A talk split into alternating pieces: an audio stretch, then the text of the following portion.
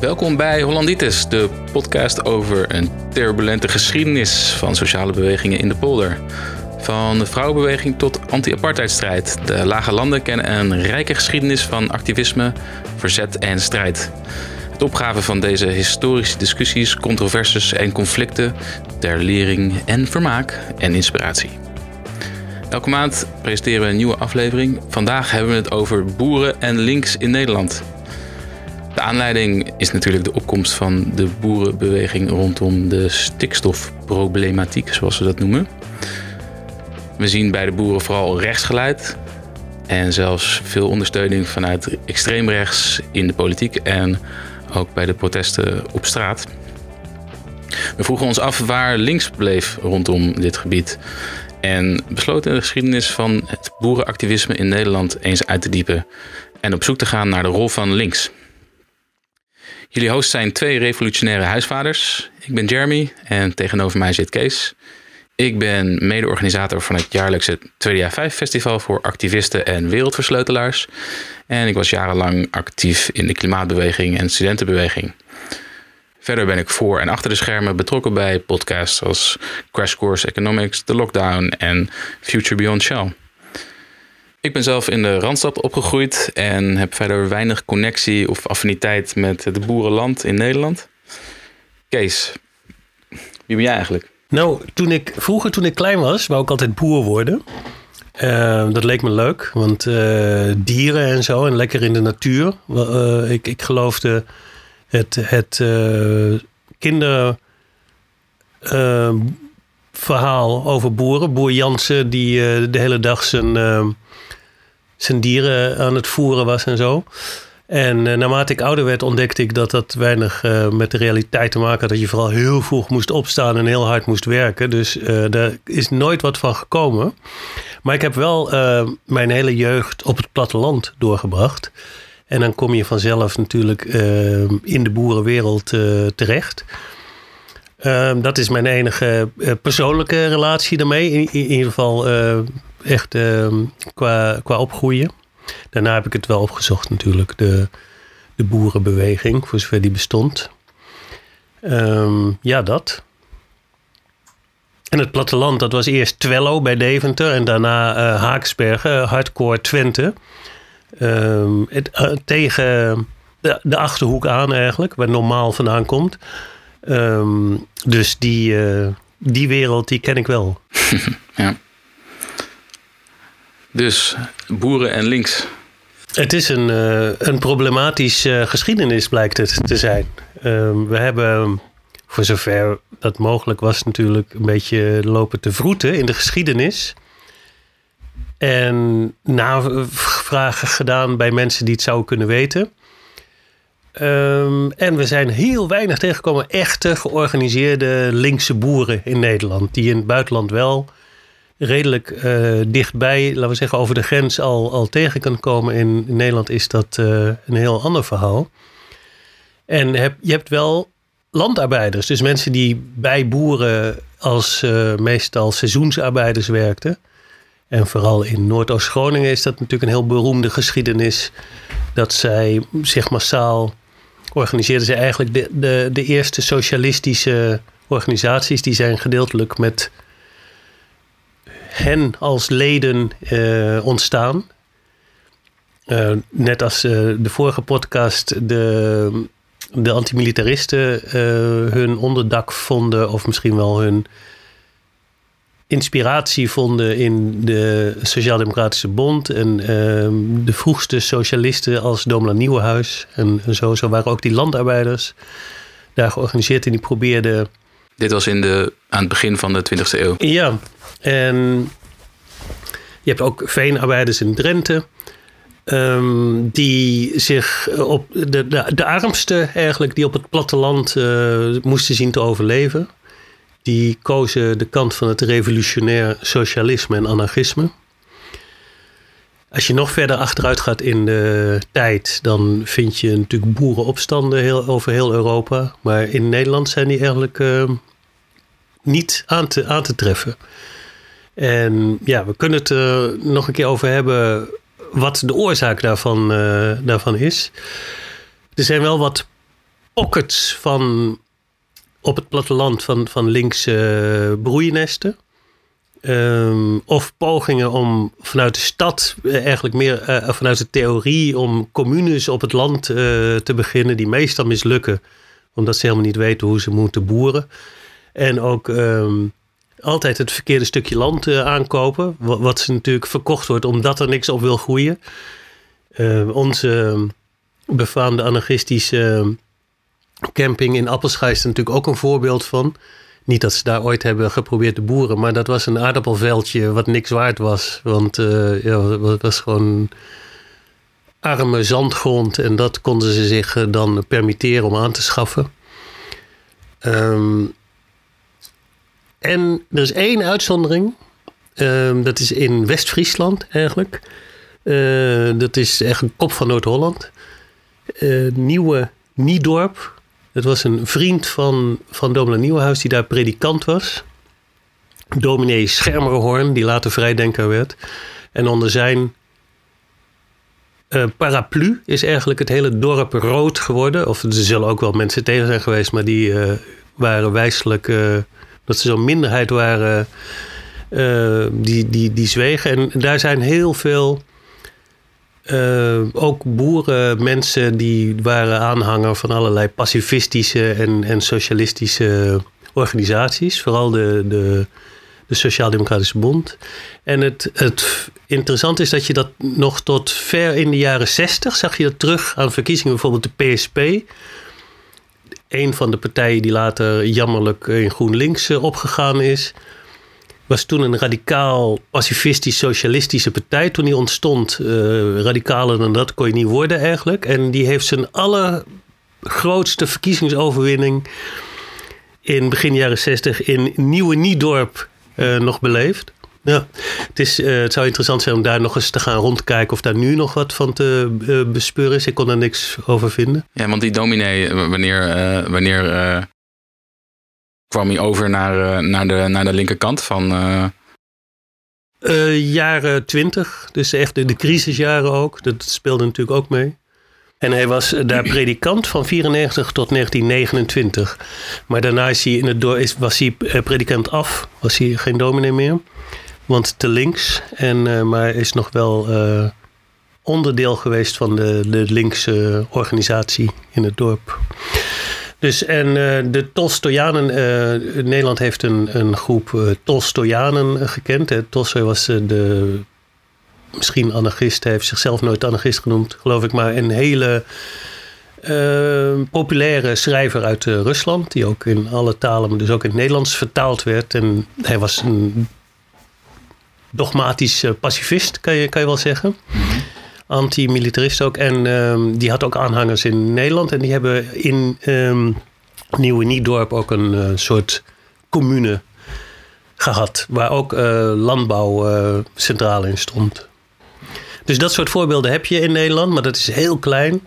En het heeft wel degelijk daar in de buurt een uitstralend effect. Het was niet alleen die gemeente, maar ook de gemeentes eromheen hadden ze duidelijk invloed. Ja. En waren mensen in, in, in staat om te zien van dat dat eh, voor hun ook een uh, perspectief bood. En je hebt in Noordoost-Groningen heb je nog steeds eigenlijk, dat, dat is de enige plek waar uh, zoiets als de NCPN, een soort poging om de nieuwe communistische partij in Nederland op te richten, waar die nog redelijk scoren bij uh, verkiezingen. En dat is ook nog zo'n pocket die over is eigenlijk van, ja, van de socialistische bewegingen van, uh, van begin 20e eeuw. Ja. En ja, voor de rest heb je natuurlijk um, gebieden. Misschien moeten we beginnen om te, om te zeggen dat er is een verschil tussen boeren en het platteland.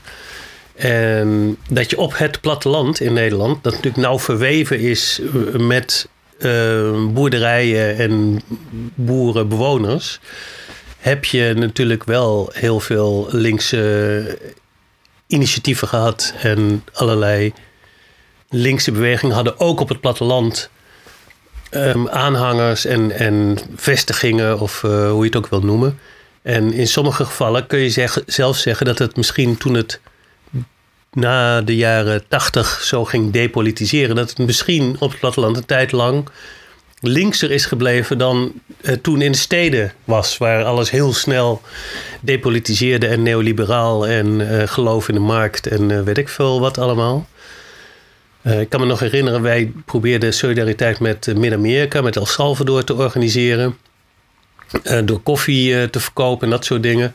En daar werden we met ons comité werden we nog heel lang door kerkelijke groepen in allerlei dorpen uitgenodigd om verhalen te komen vertellen over hoe, hoe verschrikkelijk het wel niet was in Midden-Amerika. Terwijl in de grote steden was het al lang een gepasseerd station, daar had niemand het meer over. Dus dat wat betreft. Ehm, en denk ik een, een verschil wat je in je hoofd ook wat je moet beseffen als je het over boerenproblematiek hebt, is het eigenlijk ook plattelandsproblematiek. En het feit dat, denk ik, met een soort uitstel dat de kaalslag, de politieke kaalslag op het platteland plaats heeft gevonden. Daar helemaal niets meer over is van enig links geluid. Of hè, kraakpanden die er vroeger waren. Of buurtcentra of uh, dat soort dingen. Of je hebt, je hebt ze nog, maar ook dat zijn uitzonderingen dat dat er mede toe heeft geleid dat nu bij die protesten alleen nog maar rechtse geluiden te horen zijn. Ja, dus we gaan vandaag uh, ja, kijken wat er tussen die, uh, die vroege 20e eeuw en nu heeft plaatsgevonden. Wat de tendensen zijn geweest, uh, wie er nog meer. En er zijn natuurlijk uh, meer mensen die op het platteland wonen als de boeren zelf. welke rol hebben die andere groepen gespeeld? We gaan ook kijken of proberen een vergelijking te maken met uh, vergelijkbare landen als uh, Duitsland uh, of Frankrijk, waar, waar er wel betere connecties te vinden zijn tussen links en het platteland en links en, en boeren. En we gaan nadenken, of ja, we gaan proberen ja, na te denken over wat dan de verschillen zijn tussen Nederland en die landen. Waarom, waarom het daar wel is gelukt in sommige instanties om die connecties te maken. Of, uh, en waarom dat in Nederland niet is gelukt. We hadden voor, eh, voor vandaag uh, gepland om te praten met Jan Douw van der Ploeg. Dat is helaas nog niet gelukt. want we hadden veel onbeantwoorde vragen over deze kwestie. Ja, Jan Douwe van der Ploeg is een, um, uh, hoogleraar in Wageningen, die zijn hele leven eigenlijk uh, besteed heeft aan het bestuderen van wat hij noemt uh, boerenlandbouw. in tegenstelling tot de industriële landbouw. En ook altijd heel veel aandacht heeft gehad voor de positie van boerenlandbouw in Nederland. En hoe dat gemarginaliseerd is geraakt. En ehm, ja, hoe weinig ehm, aandacht er is voor, voor hun positie.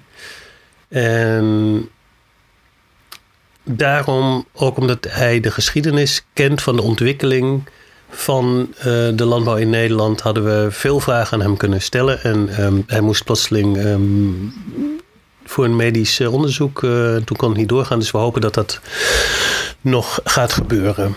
En we moeten ons dan beperken tot wat we wel weten.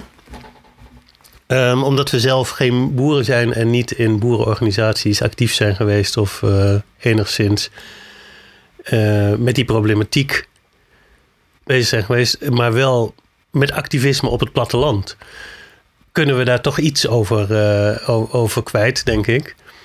Um, en vooral kan je het goed vergelijken met wat er in het buitenland wel lukt. En dan zie je bijvoorbeeld. Um, er zijn twee ken, hoe noem je typische voorbeelden van uh, activisme op het platteland. Waar boeren een grote rol in spelen. En de een is de anti-kernenergie uh, acties in Duitsland. En bijvoorbeeld zoiets als Gorlebe. Dat is nog recentelijk is dat onderdeel, onderwerp geweest van grote confrontaties met de staat. Um, en dat is niet ver uh, van, Nederland uh, vandaan. Het is uh, bij Hamburg, onder Hamburg eigenlijk. Zo'n, wat zal het zijn, 300 kilometer van de grens. Misschien minder zelfs.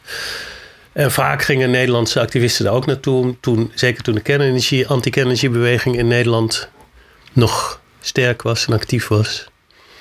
En dat leverde ja, aandoenlijke tafereelen op van ook boeren met trekkers, maar dan precies eh, de goede kant uh, op gericht. En die op alle mogelijke manieren probeerden om de demonstranten te helpen om die treinen met atoomafval tegen te houden. En ja, die trein die zag je meestal niet eens, maar het was vooral dat, die enorme legermacht van, aan politie die de, het Wendland, zoals het heette, binnenkwam trekken.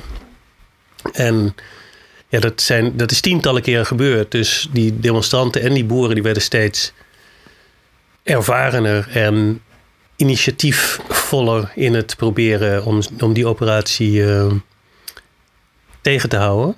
En wanneer, wanneer is dat begonnen en hoe zijn die connecties uh, gemaakt tussen, tussen de lokale bevolking en mensen die van buiten, van buitenaf kwamen?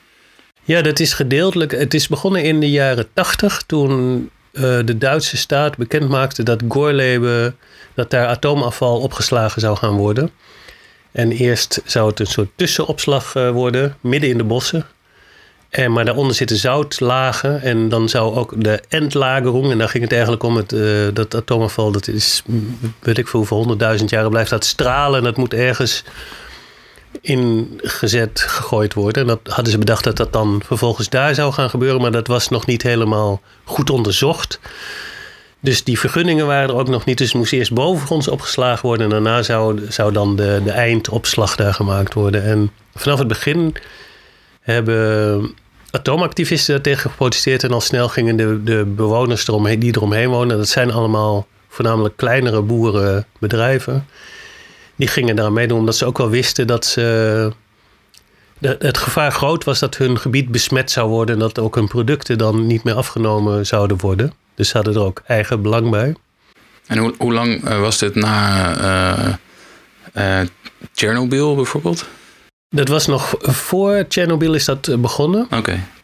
Ja, en toen tijdens, de, maar het heeft ja, het, het, is eigenlijk pas onlangs besloten dat de, de tussenopslagplek vol zit, dat het niet meer daarheen gebracht kan worden. En de eindopslagplaats daar niet doorgaat. Wat mede natuurlijk uh, als uh, een resultaat is van de strijd die daartegen geleverd werd. 30 jaar activisme. Ja, en um, ze, elk transport is, is een veldslag geworden eigenlijk uh, toen. En het was een toonbeeld van inderdaad samenwerking tussen activisten uit de stad vaak. En, maar je dat onderscheid kon ik niet maken, want een van de verklaringen is ook dat heel veel activisten en ecologische organisaties en zo zijn juist naar dat gebied toegegaan en hebben zich daar gevestigd. Eh, omdat het een heel mooi gebied is ook. Maar ook omdat ze die actie daar toch de hele tijd uh, gingen doen. Dus er zijn heel veel uh, hippies en weet ik veel wat zijn daar neergestreken. En ook omdat die bevolking welwillend stond ten opzichte van, uh, van die acties. En bij die acties moet je ook hele heftige, militante en zwaar gewelddadige autonome toestanden bedenken. Dus het was geen uh, bloemetjes uh, aan de politie geven en zo. Dat was echt massaal met katapulten en molotov cocktails en helmen op en 3000 mensen sterk s'nachts de bossen intrekken en en vaak waren die boeren daar dan ook bij en die wisten de weg. En je, je mocht dan um, in hun uh, schuren mocht je overnachten en van, van, vanuit die schuren ook uh, je aanvallen plannen en dat soort dingen. En uh, ze hadden een soort symbool, dat was de gele X. dus twee latten die in, en die stonden overal bij alle boerderijen zo'n beetje stonden die in de tuin. En dat was ook het teken dat je daar terecht kon. Een soort van omgekeerde Nederlandse vlag. Ja, precies. En, um, en s ochtends stond het ontbijt klaar voor de, voor de actievoerders. Dat is echt, uh, dan, dan hadden ze letterlijk, als het mooi weer was, uh, buiten stond de tafel, stond gewoon brood en weet ik veel wat. En dan uh, werd, je, werd iedereen uitgenodigd om. dus je had geen rampenplan of weet ik veel wat, geen gaarkeuken nodig. Hoewel die er ook wel waren natuurlijk. En één anekdote daarover zal ik aan het einde vertellen. Uh, over of de gaarkeuken ook politieagenten mochten bevoorraden. Daar is een enorme discussie over gevoerd toen. Want die waren al 24 uur afgezonderd van, uh, van de aflossing. En kwamen toen vragen bij Rampenplan of ze ook brood en koffie mochten hebben, omdat ze niks te eten hadden. En toen ja, moest er eerst over gediscussieerd worden, zoals dat bij actievoerders gaat natuurlijk. Ehm, dus, dus dat. En, eh, die, En toen? Ik geloof dat, dat ze uiteindelijk iets gekregen hebben. Water en brood. Ja, met, met eh, frisse tegenzin. Maar ze hebben het eh, gehad. Er zijn heel veel anekdotes. Er zijn ook hele boeken over verschenen. En films en, en weet ik veel wat. En mm, het is gedeeltelijk... Is dat... eh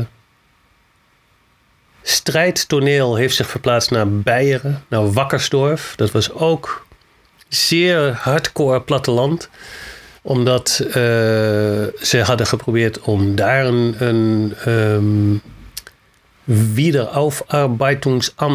voor kernafval uh, te beginnen. Dus het idee was toen dat kernenergie opgelost kon worden door het afval in een plutoniumfabriek te stoppen. Waar het verrijkt werd verder en dan uh, kon je het opnieuw gebruiken. Plus als um, afval was er dan plutonium, wat je dan lekker in die atoomwapens kon stoppen. Dat is ongeveer het gevaarlijkste industriële proces wat er ooit door de mensheid bedacht is. En oorspronkelijk wilden ze dat vlakbij Nijmegen in Kalkar doen. Daarom staan, je kan daar nu als pretpark naartoe, dat heet uh, Kernwasser Wonderland of zo. Uh, daar, dat is de grootste de, of de duurste industriële ruïne van, uh, van de wereld misschien wel. Was helemaal afgebouwd, maar toen hebben ze het toch niet aangedurfd. Kregen ze geen vergunning. En moest het uh, verlaten worden. Toen dachten ze van nou, dan proberen we het in Wakkersdorf. Hardcore Beieren, het meest conservatieve boerenstukje uh, van Duitsland. En toen ontploft Tsjernobyl. En toen is die hele boerenbevolking, die is weer als, als één mens, zullen we maar zeggen, met de autonomen en hippies en zo mee gaan demonstreren.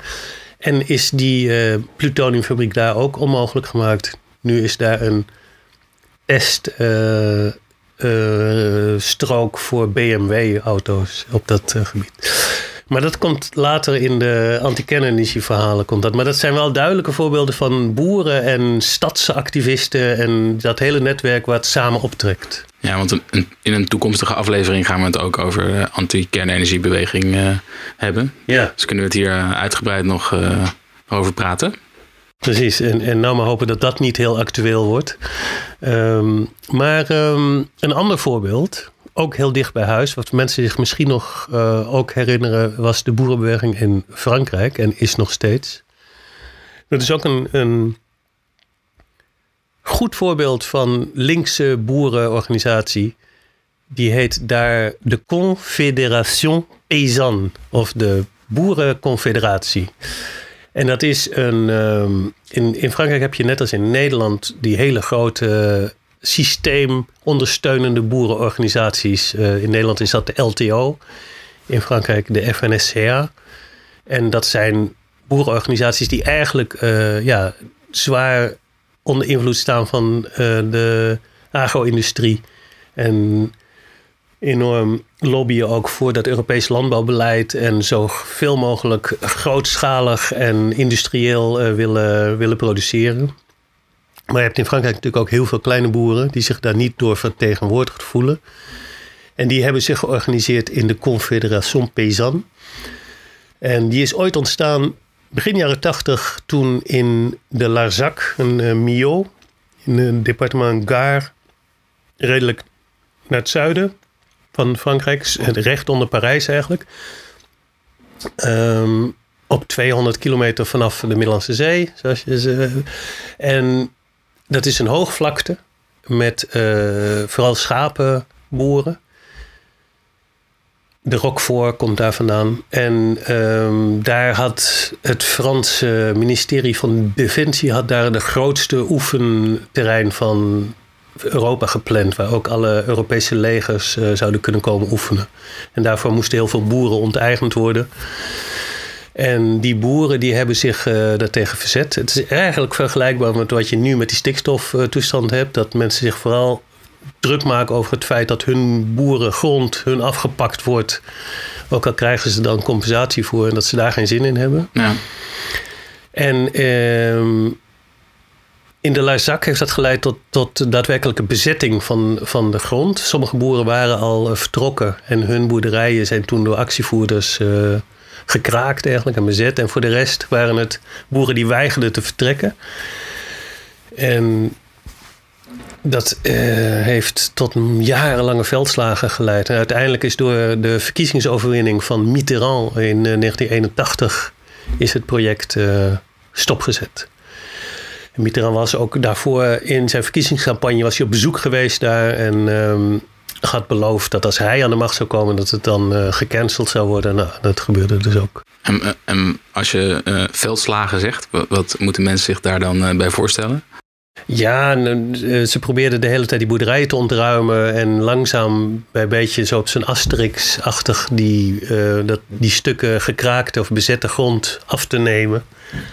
En daar verzetten mensen zich tegen. Er werden dan het uh, hele land gemobiliseerd. Er werden landelijke demonstraties, uh, of noem je dat? Demonstraties daar georganiseerd. Millau is, het, is, is eigenlijk het dichtstbijzijnde hoofdstadje ervan.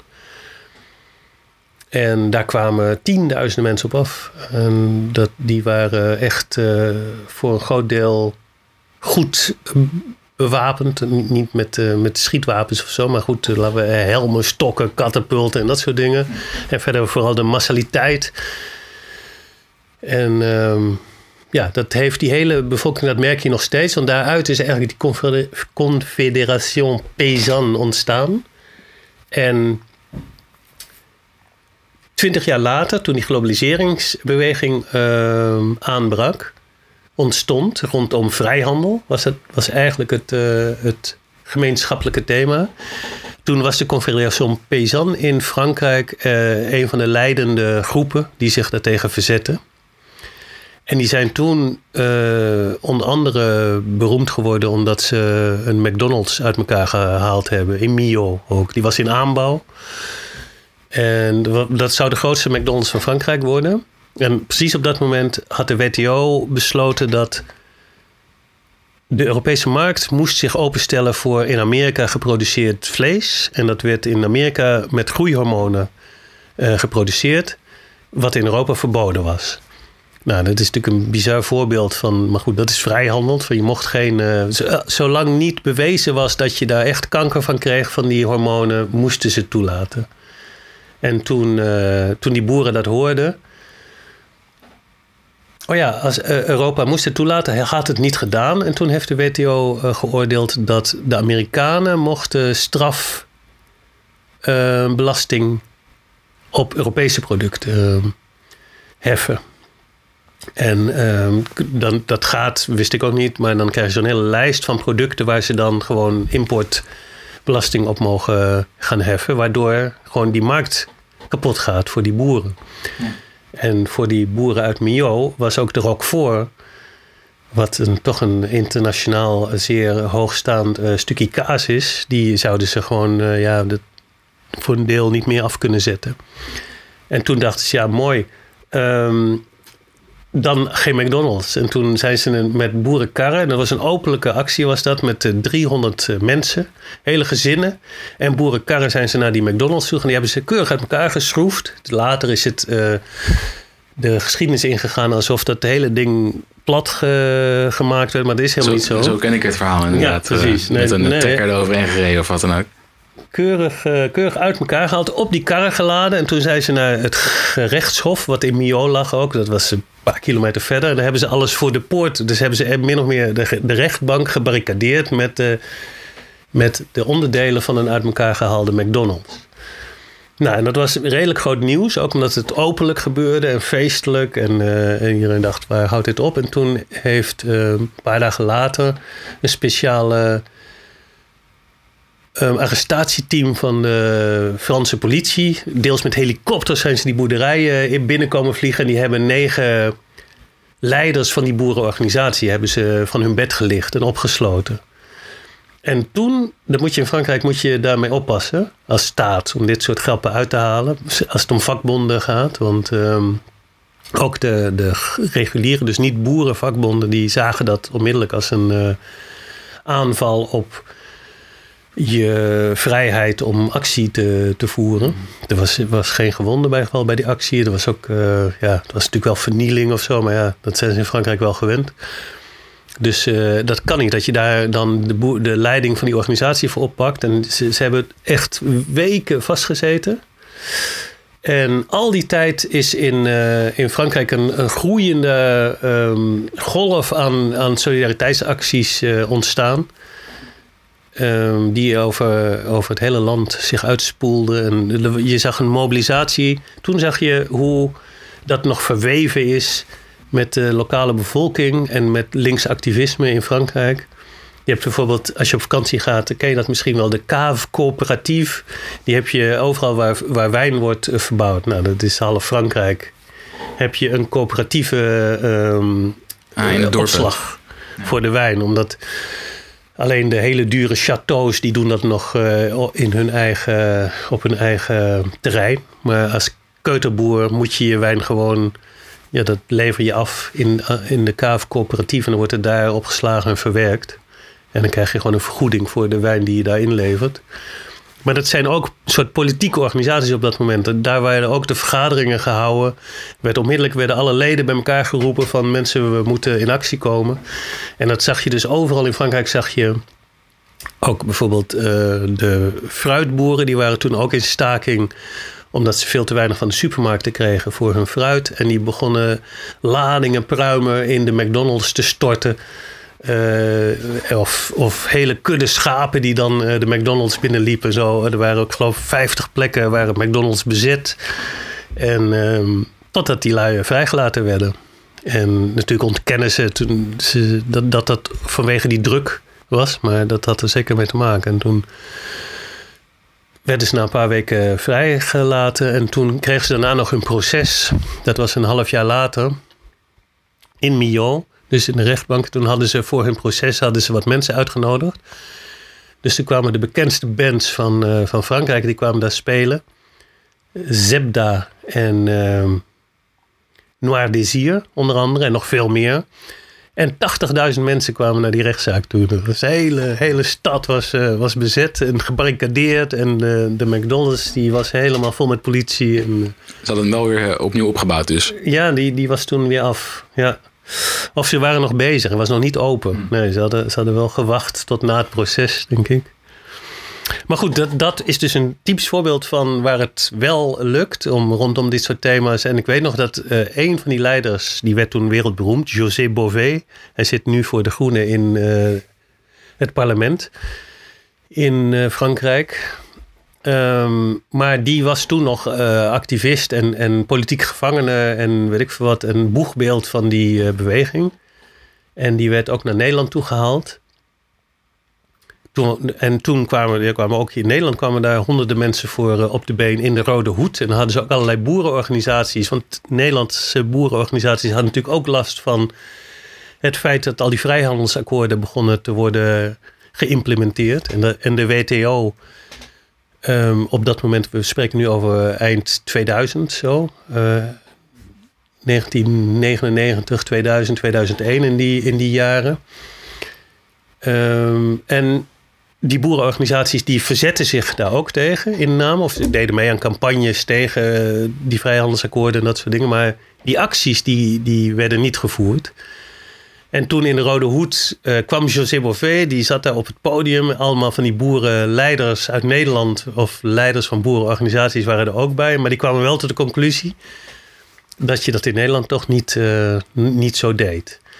Dat, niet zo eh, moest doen, niet zo kon doen? Nou, dat bleef in het midden. Maar ik weet nog dat de icon de, de microfoon onder een boerenleidster haar hield. En, dat, en de suggestieve vraag stelde van nou, uh, dat gaan we dus ook in Nederland krijgen. En dat zij toen zei nee, dat doen, we, dat doen we anders hier. Dus dat geeft wel in een notendop, in ieder geval hoe twintig jaar geleden... hoe ingepolderd ook toen de boerenbeweging al was... En ik denk dat dat een groot deel van de verklaring ook is. Hm. Het is natuurlijk een beetje een stoplap. Hè? Dat polderen, dat kan je over elk onderwerp kan je dat, uh, kan je dat leggen. Maar bij hun gold dat zeker. En die grote boerenorganisaties die zijn allemaal in het midden terechtgekomen. Ook omdat natuurlijk het Europees landbouwbeleid heel lang heeft gedaan wat zij wilden. Uh, en zij geen oog hadden voor de belangen van die kleine boeren die daardoor verdreven werden. Ja, want dat is misschien een, interessant uh, iets om nog even op in te gaan. hoe de samenstelling van de, uh, ja, van de, van de boerenbedrijven op het platteland uh, is veranderd door de jaren heen. Dat is heel erg um, ja, beïnvloed en veranderd sinds de opkomst van de, de Europese Unie en vooral het Europese landbouwbeleid. Um, kun je daar wat meer over vertellen? Behalve dat een, Nederland daar een enorme belangrijke rol in heeft gespeeld altijd. We zijn natuurlijk een enorm exportland met landbouwproducten, vooral uh, veeteelt en die glastuinbouw. Waarvan we ons af moeten vragen of dat wel landbouw is eigenlijk. Um, en helemaal in het begin, toen de Europese Unie gevormd werd en, en het landbouw, iedereen weet dat landbouwbeleid een van de belangrijkste, misschien wel het belangrijkste post binnen de Europese Unie zou worden toen dat gevormd werd. Ik geloof nog steeds 50% van de uitgaves uh, daaraan besteed worden. Um, toen was de Nederlandse minister Mansholt die um, het eerste landbouwbeleid uh, ging ontwikkelen. In 1958 werd Mansholt, we lezen nu voor van Wikipedia, een van de commissarissen van de pas opgerichte Europese Commissie en werkte hij als landbouwcommissaris aan de modernisering van de Europese landbouw. Daarnaast was hij van 1958 tot 1970 lid van de Euratom-commissie. Dus uh, dat uh, kernenergie komt daar uh, plotseling de hoek om zeilen. Het lijkt wel een complot. Mansholt was de geestelijk vader van het gemeenschappelijk landbouwbeleid. En um, hij was een PvdA-minister en een boerenzoon. Was omhoog gevallen. Um, en toen naar Brussel gestuurd. En toen was er nog het idee van de Groene Revolutie. Wat in de derde wereld, zoals het toen nog heette, uh, ook al zo su succesvol toegepast was. In Mexico en India vooral. Ja, het was het idee van uh, enorm, ja, een soort industriële aanpak van productie met veel inputs, uh, kunstmest. Water, heel veel kunstmest, heel veel water. Heel veel water en, en, en ook ehm, grote investeringen in ehm, apparatuur en mechanisering dat dat de oplossing zou zijn. Ja, en de, op, en de uh, nieuwe, nieuwe rassen, GMO-rassen, of in ieder geval nieuwe rassen die, uh, die, veel meer konden produceren, zolang ze die, uh, die, die grote inputs kregen. Veredeling, inderdaad. En de Landbouwuniversiteit Wageningen speelde daar ook een belangrijke rol in. Dat is eigenlijk twee handen op één buik altijd geweest en nog steeds als je die geluiden daar hoort over uh, kritiek die op het landbouwbeleid of vanuit de bio-boerenhoek of zo, ja, dat wordt altijd door de Louise Fresco's en zo uh, belachelijk gemaakt. Vanuit, uh, dat is standaard, hoort dat eigenlijk. Want de enige weg is die grootschalige voor de wereldhandel produceren. Ja, dus je, je, je begon met heel veel kleine boeren. En door het beleid kwamen er werden uh, boeren of eruit uh, geconcurreerd of uh, moesten ze zelf groeien om, om te kunnen overleven. En langzaam kreeg je steeds minder grotere boerenbedrijven. Ja, kijk, dat, dat is heel kort door de bocht. In, in Groningen had je natuurlijk al, al enorme grote boerenbedrijven. En op andere plekken in Nederland ook. En je kan ook zeggen van het is hun lobby geweest die ervoor gezorgd heeft dat er iets kwam wat hun het beste eh, beviel. En niet alleen zij, maar ook de, de, de verwerkers van de producten, de, de coöperaties, de, de Coberco's en, en dat soort dingen. En de Rabobank die het moest eh, financieren en die er geld uit wou slaan. Dus dat is een soort industrieel, landbouw-industrieel complex, wat, uh, wat altijd achter de schermen heeft bestaan. En met eh, de CDA als natuurlijk de, de partij die, uh, die daaraan verbonden was. Maar het vreemde van die Mansholt is dat hij. Uh, hij heeft het dus uh, begonnen, geïmplementeerd. daar zijn ze ook mee begonnen. Het is eigenlijk de, de bakermat van het Europees landbouwbeleid geworden. Ja, dus een belangrijke rol voor Nederland bij, de, bij het ontstaan van het Europees landbouwbeleid. Wat nu zo desastreus zijn uitwerkingen laat zien was doordat Sikkel Mansholt daar um, de grondlegger van was. En het vreemde was, toen hij dat eenmaal had gedaan. Hij zelfs um, nog een, in 72 is hij voorzitter van de Europese Commissie geweest. Um, ik, ik, sta zelf een beetje verbaasd dat, dat die toen al bestond, de Europese Commissie. Maar dat was kennelijk zo, met alleen nog maar de zeven lidstaten, de kernstaten van de EU.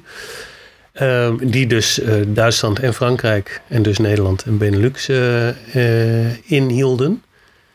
Dus de belangrijkste landbouw-economieën van, van de Europese Unie. Dus dat was echt wel degelijk een, een, een belangrijke positie. En hij is toen vervolgens afgetreden of teruggetreden um, en is teruggegaan naar Groningen op zijn boerenbedrijf van zijn ouders. En is vervolgens zich enorm gaan weren tegen zijn eigen beleid. Dus, um, en het, het zal zeker te maken hebben met, dat werd toen openlijk uh, bekend gemaakt, dat hij had een affaire, hij was getrouwd. Maar hij had een affaire met de 39 jaar jongere Petra Kelly.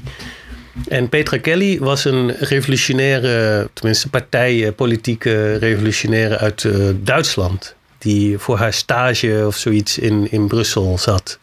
En zij is oprichter van de Groene Partij in Duitsland, de Groene geworden. Zij was toen een van de, van de belangrijkste types uh, bij die Groene. En die hadden natuurlijk hele andere ideeën over uh, landbouw en, en kernenergie vooral. En die Petra Kelly is later, dit is nog eens een keer heel raar, die is door haar man, ze is later getrouwd met uh, Gerd Bastian. Dat was een generaal uit het Duitse leger die vanwege de atoomwapens uit het leger getreden was. Of die was uh, gedeserteerd of weet ik veel wat. En nou, die hadden elkaar gevonden. En die was ook al veel ouder. Uh, dan haar. En die, en die, heeft haar toen uiteindelijk en zichzelf doodgeschoten. Maar dit terzijde, dat, toen had, had hij al lang niks meer uh, met uh, onze Manshold. Maar ja, sappige avonturen dus. Maar in ieder geval die, die, die oude snoepert van de Manshold. Die had wat met die 39 jaar jongere Kelly, die hem toch wel aangepraat had dat je toch anders moest omgaan met, met de natuur en de landbouw. En uh, volgens, de, volgens hemzelf, volgens Mansholt, was het de Club van Rome die hem op andere ideeën had gebracht. Die was, was toen met dat alarmerende rapport Grenzen aan de Groei gekomen. En toen waren de schellen hem van de ogen gevallen. En toen was hij. Maar goed, dat Ook is. een beruchte club overigens. Uh, ja. Maar dit is ook wel weer een typisch voorbeeld. Volgens mij is dat ook iets wat een Nederlands historicus een keer zou moeten onderzoeken. Van al die machthebbers die verschrikkelijke dingen doen. En als ze eenmaal afgetreden zijn, zich daartegen gaan keren. Als je geen macht meer hebt, bij wijze van spreken, of nauwelijks. Dan ga je plotseling heel hard roepen dat het allemaal fout was. En uh, hij is daar een typisch voorbeeld van. Interessant is dan ook van dat het niet gelukt is voor uh, die, die kleinere boeren, die hè, net zoals nu zeg maar uh, met de boerenprotesten wel lukt, um, is het toen niet gelukt om uh, vanuit die positie daartegen te protesteren, tegen die consolidaties van tot die grote bedrijven.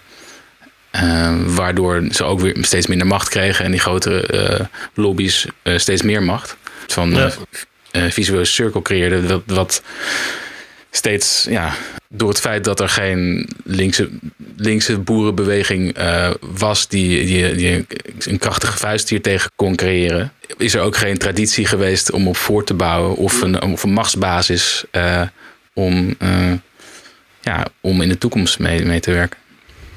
Ja, dat, dat, dat is dus een van de open vragen waar we nog geen antwoord op hebben. Is of er momenten zijn geweest waarin dat wel gepoogd is. Of, of er um, linkse, zou, zou je ze kunnen noemen, of kleinschalige.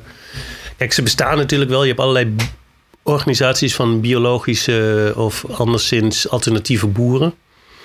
Maar die zijn veelal toch uh, apolitiek. Of uh, ja, die zijn vooral gericht op uh, het overleven van hun sector eigenlijk hebben wel verhalen over kleinschaligheid en de wereldhandmarkt uh, waar ze dan tegen zijn. Dus het is een beetje gemeen om, om het dat apolitiek te noemen, maar je snapt hoe ik het uh, probeer in te kaderen. Um, en wat bijvoorbeeld kenmerkend is, is dat toen de Europese Unie officieel gevormd werd, in 1992 had je het verdrag van Maastricht met de Eurotop in Maastricht. toen was er inderdaad geen protest. En ik denk dat het ook komt omdat er is natuurlijk een soort salami-tactiek altijd uh, toegepast. Dat de kleinere boeren ook wel de hele tijd in ieder geval voorgehouden werd dat ze ook van zou profiteren. En er waren natuurlijk altijd, hè, zoals je bij de huizenbouw heb je ook altijd ehm, sociale woningbouw en, en, huurtoeslag en dat soort dingen. Op zo'n manier werden, werden boeren die dreigden om te vallen gepamperd. En ehm, misschien is dat, is dat ook een, een, belangrijke reden waarom ze nooit dachten van het is nu of het is erop of eronder. Wat, wat, eigenlijk het sentiment wat nu wel gevoeld wordt door boeren, of in ieder geval dat dragen ze uit. Maar dan rondom een heel ander, uh, juist rondom um, natuurbeschermingsmaatregelen. Uh, hebben ze plotseling uh, zo'n alarmstemming. Terwijl dat vroeger rondom vrijhandel, wat in Frankrijk dan wel gebeurde. Um, of kernenergie, wat in Duitsland wel gebeurde, zou dat veel logischer zijn geweest. En toen kwam het niet. En om die, die vergelijkingen even af te maken kan ik me nog herinneren dat wij in Dodewaard tegen de kerncentrale probeerden te demonstreren daar. Dat hebben we ook wel gedaan. En een tentenkamp oprichten. En dat we volgens de lokale boerenbevolking uh, tegen ons kregen. Die hebben uiteindelijk het tweede tentenkamp voor de geschiedenis. Is, is verjaagd eigenlijk doordat boeren met trekkers dreigden de boel te komen plat uh, walsen. Nadat we al een paar dagen in het traangas hadden gelopen hoor. En, eh, en ik moet ook zeggen dat één keer bij het verjagen van, uh, van de grote groep demonstranten die probeerden om de kerncentrale te blokkeren, zijn we door zo'n suikerbietenveld uh, gejaagd door de ME. En dat heeft veel schade aan zo'n boer toegebracht. Maar ja, dat mag geen probleem zijn. Dat had je in Gorleben natuurlijk ook. En dan werd onmiddellijk gezegd van nee, dat, we, gaan, we zamelen dat in. En al die boeren wisten ook, het, het ging hun nooit persoonlijk ehm, wat kosten. Maar in Nederland was het, uh, was het genoeg. Later hoorden we wel dat, dat een van die boeren die daar een hoofdrol in heeft gespeeld. en die zelfs met een jachtgeweer in zijn tuin is gaan staan. en dreigde op uh, demonstranten te schieten. Dat hij lid was van het OSL, zo'n extreemrechtse club, het Oud Strijderslegioen. En hij was bovendien ook helemaal geen boer. Het was een van een rijke jager die daar ook een, uh, een, een, land, uh, hoe heet dat, een villa tussen die boerderijen had. Mm. Maar dat is eigenlijk is dat, uh, een beetje een slap excuus voor, van, van de kant van de actievoerders om dat als verklaring alleen maar te zien. Want het, lukte hun kennelijk wel om de rest van de boeren mee te krijgen, of in ieder geval een deel daarvan. En dat tentenkamp moest de aftocht uh, blazen. En eerder was er een keer een poging geweest om met een informatiekaravaan naar Dodewaard toe te gaan. Om ze uit te leggen van wat nou het probleem met kernenergie is. En, en toen werd er een tent midden in het dorp neergezet. En daar is letterlijk die tent heeft daar met een tentoonstelling over kernenergie. Die heeft daar midden in het dorp uh, gestaan, een week lang. Daar is niet één iemand uit heel Dodewaard is daar naartoe gekomen. Dat werd gewoon massaal geboycott door de lokale bevolking. Die wouden daar niks mee te maken hebben. Nou zijn er andere voorbeelden. Dit is niet exemplarisch voor Nederland, denk ik. Maar eh, als je Gorleben en Dodewaard met elkaar vergelijkt, is het toch wel, uh, is het wel typerend of zo. Van dat, dat, dat zoiets. Uh, de stemming zo anti-actievoerders is onder boeren. Hetzelfde hoorde ik recentelijk nog van toen er acties waren van Code Rood in Groningen. Uh, toen werd de NAM geblokkeerd na al die aardbevingen en zo. Dat was voordat ze het besluit hadden genomen om uh, te stoppen met uh, gaswinning daar. En toen was het idee, omdat allemaal tegenwoordig wordt dat van tevoren als heel vreedzaam aangekondigd en zo. Je mag ook geen ehm, onvertogen woord dan ehm, daar bij wijze van spreken. Dat wordt allemaal hè, zorgvuldig wordt het, ingepland dat dat vreedzaam gebeurt. En desondanks was het heel moeilijk om iets van lokale solidariteit erbij te krijgen? Nou, ik was daarbij. en ehm, volgens mij uh, viel dat wel reuze mee. We hebben daar op het land van, uh, van uh, een van die mensen uit het dorp gestaan. Die waren wel import, waren, kwamen daar niet oorspronkelijk vandaan. Maar in het dorp zelf en de mensen die we spraken toen we aan het rondlopen waren, er was wel, was wel sympathie. Maar goed, er waren ook wel veel grote boerenbedrijven die, waar je doorheen liep. En Um, nou, daar hebben we weinig, verder weinig connectie of contact mee gehad.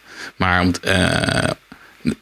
om te zeggen dat, dat de lokale bevolking er tegen was, dat, vind ik wel, dat gaat wel een beetje ver. Er waren lokale groepen waar werd, mee werd samengewerkt vanuit, vanuit Code Rood dan. Dus ja, er waren wel connecties, maar ik denk dat vooral die lokale groepen ook moeite hadden om uh, hun, uh, hun buren mee te krijgen. Ja. Dat zeker. Nee, ik, wou ook helemaal niet zeggen dat in dit geval ze tegen waren. Daar zijn volgens mij ook geen, geen voorbeelden van. Maar wel dat het heel moeilijk was om ze mee te krijgen. Ja. En zeker als je, als je bedenkt dat, dat het hun direct aangaat, was eigenlijk een, een actie ook tegen die aardbevingsschade die daardoor veroorzaakt wordt, is dat wonderbaarlijk. En ik hoorde laatst, later dat ze als onderdeel van hun outreach-strategie de deuren af zijn gegaan met uh, bloemetjes voor de bewoners. Om hun te bedanken voor, of in ieder geval te, ja, dat, voordat er, er was natuurlijk veel gedoe, uh, veel politie en zo geweest. En dat in heel veel gevallen de deur niet open werd gedaan. En mensen doodsbang waren voor die actievoerders. Dus uh, er was een, kennelijk een soort uh, beeld verspreid. Ik weet niet, het zou, zou de moeite waard zijn om eens nog eens na te zoeken of dat een gerichte campagne is geweest. Toen in Dodewaard was dat wel zo. Toen heeft dat Oud-Strijderslegioen die heeft uh, lopen te, te flyeren, laat maar zeggen, tegen de, de demonstranten. Maar daar was in ieder geval duidelijk dat ze waren als de dood voor die actievoerders. En sommigen zeiden dat ook. Van, ging de deur op een kiertje open, namen ze een bloemetje aan. En toen zeiden ze, oh, ja, want uh, we, ze waren er bang voor. Dus dat is een, een realiteit waar je, waar je gewoon die goed moet beseffen dat het, het beeld van wat een actievoerder is op de een of andere manier, dat zal met sociale media te maken hebben en met dat soort gruwelijke uh, tv-zenders die je tegenwoordig hebt. Als Pauw News had je toen al en weet ik veel wat. Ja, die, die maken echt een. Uh, die hebben invloed. Ik geloof wel dat er helemaal niks uh, links meer bestaat daar. Dus als je als jongere daar. Er is nergens waar je mee terecht kan. En dat was vroeger wel anders. En dat, dat verklaart, denk ik. Je had vroeger. In Duitsland heette, heet dat fenomeen dorfpunks. Um, in Nederland is daar geen goed woord voor. Maar had je heel veel. Eh, ik bedoel, wij gingen altijd naar Winterswijk. om uh, goede punkconcerten te, te beleven. Nou, dat is verder in de achterhoek kan je niet uh, komen of zo. Maar dat was een levendige uh, punkcultuur. Die was niet allemaal even links of zo, maar voor een deel wel. Um, en dus dat had je in alle, alle dorpen, had je dat. En je had uh, linkse kerken die nog aan solidariteit uh, met de derde wereld deden en dat soort dingen. En dat is voor een groot deel is dat verdwenen. Ik was laatst per ongeluk uit de trein gestapt in waar ik vroeger naar school ging Twente, in, Ensch in Hengelo, had ik een uurtje, want de trein deed het niet. En toen ben ik rond gaan lopen en ik herkende helemaal niets meer. Er was, was niks meer over. Het was gewoon één grote woestijn was het geworden. Alleen maar een koopgoot was er over van het centrum van, eh, van Hengelo. Waar wij vroeger allemaal disco's en kroegen en, en ook uh, kraakpanden en uh, sociale centra hadden. Hm. En dat, dat is denk ik een veel belangrijkere reden waarom zo'n extreemrechtse partij het uh, over kan nemen. Dit, dit soort protesten. Of waarom ze überhaupt kunnen ontstaan. Dan dat de middelen uit de stad, laten we zeggen, zo on, ondoeltreffend zijn voor. Uh, want verder, wat die boeren vervolgens uit de kast trokken, waren, laten we zeggen, uit het, uh, uit het activistische schoolboekje. Ja die blokkades en hoe je met de politie omgaat. En uh, ja, die, die, die spandoeken over. De, de stikstofprotesten. Ja. Ja, ja. Dus daar kan je alleen maar met um, jaloezie naar kijken eigenlijk. Uh, absoluut. Ik, ik vond ook een tijd toen ze distributiecentra van supermarkten en zo gingen blokkeren. Dat ik, nou, dat is, gaat precies de goede kant op. Het is jammer dat ze van dat soort types als die Baudet en zo niet uh, van hun uh, trekkers afslaan als die uh, hun snoet komen laten zien of zo. Maar verder. En het is natuurlijk heel raar om je te verzetten tegen maatregelen waar je zelf ook de zin van, van zou moeten inzien. In ieder geval terdege of in ieder geval de problematiek daarachter. Maar um, los daarvan is het eigenlijk de enige voorbeeld van de afgelopen tien jaar geweest dat er echt uh, flink uh, goed actie gevoerd werd. Ja. En met heel veel succes. Ja. Is het glas nou half vol of half leeg? Ja, wat, wat zit er in het glas? dat is de vraag. In de jaren zeventig kreeg je ook uh, zowel op het gebied van ehm, laten we zeggen, productie, industriële productie als landbouwproductie krijg je allerlei kleinschaligheidsinitiatieven en ook daarbinnen verbonden. Er was een organisatie die heette MEMO, Mens- en Milieuvriendelijk Ondernemen in Nederland. Die overal uh, leden had. En de, de, eerste bioboeren zijn eigenlijk daar, of waarschijnlijk bestonden die altijd al, maar die uh, de georganiseerde bioboeren die zaten daar ook bij. Dus je, je kon als consument kon je toen vanuit de stad um, je, je appeltjes gaan halen bij een bioboer. En, en, dat soort verbanden ontstonden er toen. Ja, dat is natuurlijk eh, op, nog steeds, uh, of, of misschien al meer als ooit populair natuurlijk. De, ja. de, de groentetassen, de, de plekken waar je als consument direct in contact wordt gebracht met, uh, met de boeren, ja. de boerenmarkten. Zeker, die bestaan heel veel. Maar ja, ik noem het maar apolitiek. Ik weet niet of dat woord klopt. Maar in tegenstelling tot in Frankrijk, waar het omgekeerde is, is al dat soort. Uh, heb je lokale markten uh, waar heel veel. Uh, ja, alle, alle politieke onderwerpen, linkse politieke onderwerpen, die worden daar ook allemaal. Um, uitgevent en, en aangehangen en weet ik veel, tegen fracking of tegen um, genetische manipulatie en dat soort dingen. En op de andere manier hier in Nederland zijn, dat, zijn het puur functionalistische verbanden tussen ja, mensen willen gezond eten. Weet je, iedereen is met voedsel bezig, maar niemand met, met boeren en landbouw in Nederland. Dat is het vreemde. En, en natuurlijk is dat gechargeerd. Je hebt, je hebt altijd wel mensen die wel. Ik weet dat in Amsterdam is ook een clubje A-Seed, waar mensen dan bij bioboeren werken als vrijwilliger. En nou ja, zo, zo zijn er altijd wel um, dwarsverbanden te vinden, maar echt dat, dat het een soort body krijgt en dat het weerwoord kan geven tegen die verrechtste boerenbeweging die er nu bestaat, niet. Dat zie je gewoon niet. En uh, nou, in zo'n land als Frankrijk, uh, in, Duitsland heb je ook elk jaar heb je een enorme demonstratie in Berlijn voor kleinschalige landbouw. Dat is echt, uh, ja, er zitten ook wel heel veel zwevers en, en rare complotfreaks en zo tussen. Maar voor een groot deel zijn dat echt uh, goed uh, linkse politieke eisen die daar gesteld worden. En, uh, hier zie je daar nooit iets van. Blijft vreemd. Er zijn natuurlijk wel campagnes. Vaak zijn dat internationale campagnes die dan ook in Nederland uitgevouwen worden, waarin boerenorganisaties meedoen. En vaak zijn, dat, zijn die rondom onderwerpen als vrijhandelsverdragen, of internationaal, ook rondom klimaatafspraken en dat soort dingen heb je natuurlijk, al is dat veel minder, maar um, zeker rondom die vrijhandelscampagnes. We hebben er net weer twee zware achter de rug gehad. TTIP, uh, door de Europese Unie met Amerika af te sluiten.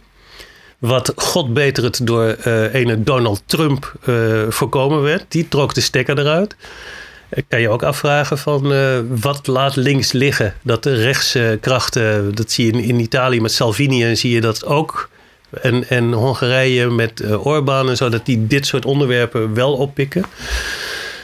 Um, en de andere was CITA met Canada. En CITA is wel doorgegaan. Er was een enorme Europese campagne tegen. Ook in Nederland redelijk uh, massaal. We hebben een paar keer demonstraties georganiseerd. waar echt wel duizenden mensen op afkwamen. En dat werd door een platform georganiseerd waarin ook boerenorganisaties uh, zaten. En vooral uh, twee boerenorganisaties die, laten we zeggen, heel vaak bij linkse coalities aansluiten. Uh, zijn de melkveehouders, de NMV en de Dutch Dairy Board. En het Nederlands Akkerbouwverbond, NAV. En met die laatste kan je helemaal veel makkelijker um, samenwerken als linkse organisaties. Want een ontwikkeling waar we het heel niet over gehad hebben, maar die natuurlijk ook doorheen is gefietst, is die van de veganisten. Die natuurlijk enorme problemen hebben met uh, boeren die vee houden. Hmm. Dus dat is ook van de kant van de actievoerders is dat niet altijd uh, even, even makkelijk gemaakt. Maar in ieder geval in deze campagnes uh, speelden die organisaties mee. En vooral um, Sita, de, de, de woordvoerster van de melkveehouders, Sita van Kijmpema, die is. Sita, die protesteerde tegen Sita. Ja, precies. Dat, dat zei ze ook altijd. Ja, mijn naam is een beetje ongelukkig. Maar. En dan kwam ontzettend aardige vrouw. Die later, nu met, met die eerste golf van die trekkerterreur, uh, zoals, zoals sommige mensen dat noemen, woordvoerster was van, van die boeren. Geen probleem mee had om met uh, Thierry Baudet op één uh, wagen te staan. En uh, wat is daar gebeurd? Nou, het volgende is daar gebeurd. Die campagne tegen CITA, die bleek een volslagen tandeloze lobbygroep te zijn. Dus daar zijn ze gillend weggelopen, bij wijze van spreken. Dat CITA is er gekomen. Um, dat is nu van kracht in feite. Dus wij, wij moeten, en vooral zij, moeten opconcurreren tegen boer, uh, um, veehouderijen in Canada. Waar 3.500 koeien gemolken worden. En ja, dan moet je maar eens proberen hier met je 100 koeien in, uh, in Harderwijk of zo. Dat gaat niet lukken. En uh, toen werd er van onze kant werd er regelmatig een poging gedaan om het wat activistischer te maken. Bijvoorbeeld toen Nederland uh, voorzitter van de EU was. Vroeger had je dan aan het, aan het einde van je voorzitterschap, hè, dat roleert, elk land is een half jaar voorzitter, had je een eurotop. En dat was dan het moment voor alle bewegingen om er naartoe te trekken en er een flinke pan van te maken om te laten zien dat je het allemaal niet mee eens was. Die eurotop hebben ze afgeschaft. Maar je hebt nog wel al die ministeriële vergaderingen in je land. Dus wij dachten van nou, makkie, weet je. We waren toen net aan het opstomen met die acties rondom TTIP en, en CITA. Er zou midden in Amsterdam, um, in het Scheepvaartmuseum, zouden vergaderingen gehouden worden waar alle Europese ministers naartoe zijn. Nou, als er iets makkelijk te blokkeren is, is het het Scheepvaartmuseum in Amsterdam. Dat heeft maar één brug. En uh, dus wij voorstellen, ja, let's do it. Nou, daar wou niemand wat van weten, van die NGO's die, uh, die dat uh, beheersten.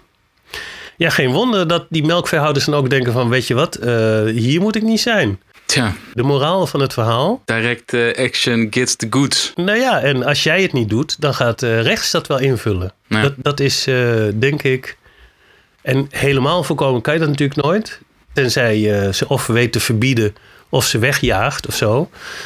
Uh, maar je kan dat, dat veld kan je wel enorm beïnvloeden. En je kan er wel voor zorgen dat ook op het platteland iets als een antifascistisch bewustzijn en linkse discussies en weet ik veel wat bestaan. En er zijn altijd kiemen van geweest in, in Nederland dat het, dat het wel gebeurde. En je wordt zeker niet uh, overal uh, het leven uh, moeilijk gemaakt. Dus dat kan nog steeds. Maar uh, ja, ik snap als je nu uh, boerenjongen op, uh, of meisje op, op een middelbare school bent in een of ander dorp in ergens op platteland, ja, dan hoor je nooit meer iets anders dan, dan die meuk die de sociale media op je afsturen. Ik, ik, moet eerlijk zeggen, ik weet niet wat de moraal van het verhaal is. Ik weet niet hoe je bij deze kaalslag. Kijk, je, je hebt maar één of twee steden waar, waar links nog wel iets uh, voorstelt. Hè? En radicaal links. Dus zelfs daar is is de klad echt uh, immens. Dus laat staan op dat, op dat enorme platteland waar niks meer is. Ik zou niet weten, ik heb geen uh, oplossingen, geen draaiboekje of zo van hoe je dat op zou moeten lossen. Maar ik denk wel waar je, waar je wel zou kunnen beginnen maar goed, eh, de bevrijding van de boer eh, kan alleen maar de werk van de boer zelf zijn. Is natuurlijk bij die biologische of die kleinschalige boerenorganisaties die er ook enorm last van hebben. Natuurlijk, van dat, eh, van dat beleid, maar ook van die idiote protesten van hun zich als boer voordoenende grootverdieners, collega's. En ik heb ook wel het idee dat het voor hun heel moeilijk is. Die kleine boeren, die worden natuurlijk uh, ja, die zijn kwetsbaar. Uh, en je kan niet zomaar plotseling iets heel links gaan roepen in zo'n uh, situatie. Tot dusver links en boeren in Nederland. Volgende maand gaan we verder. En dan wel met een aflevering over de globaliseringsbeweging. We hebben het uh, het komt elke, elke keer komt het weer terug dat we, dat we Kees aan het woord laten. Er komt altijd wel een, uh, een hoofdstukje over hoe het uh, tijdens de globaliseringsbeweging aan het eind van vorige eeuw, het begin van deze eeuw, allemaal beter was. Dus daar gaan we het eens uitgebreid over hebben. Um, daarnaast kun je ons vinden op hollanditespodcast.nl. Vond je dit een leuke aflevering? Wil je graag meer van ons horen? Abonneer je dan op deze podcast via jouw podcastplatform. En deel deze aflevering met je vrienden en kameraden. Tot volgende keer. Doei!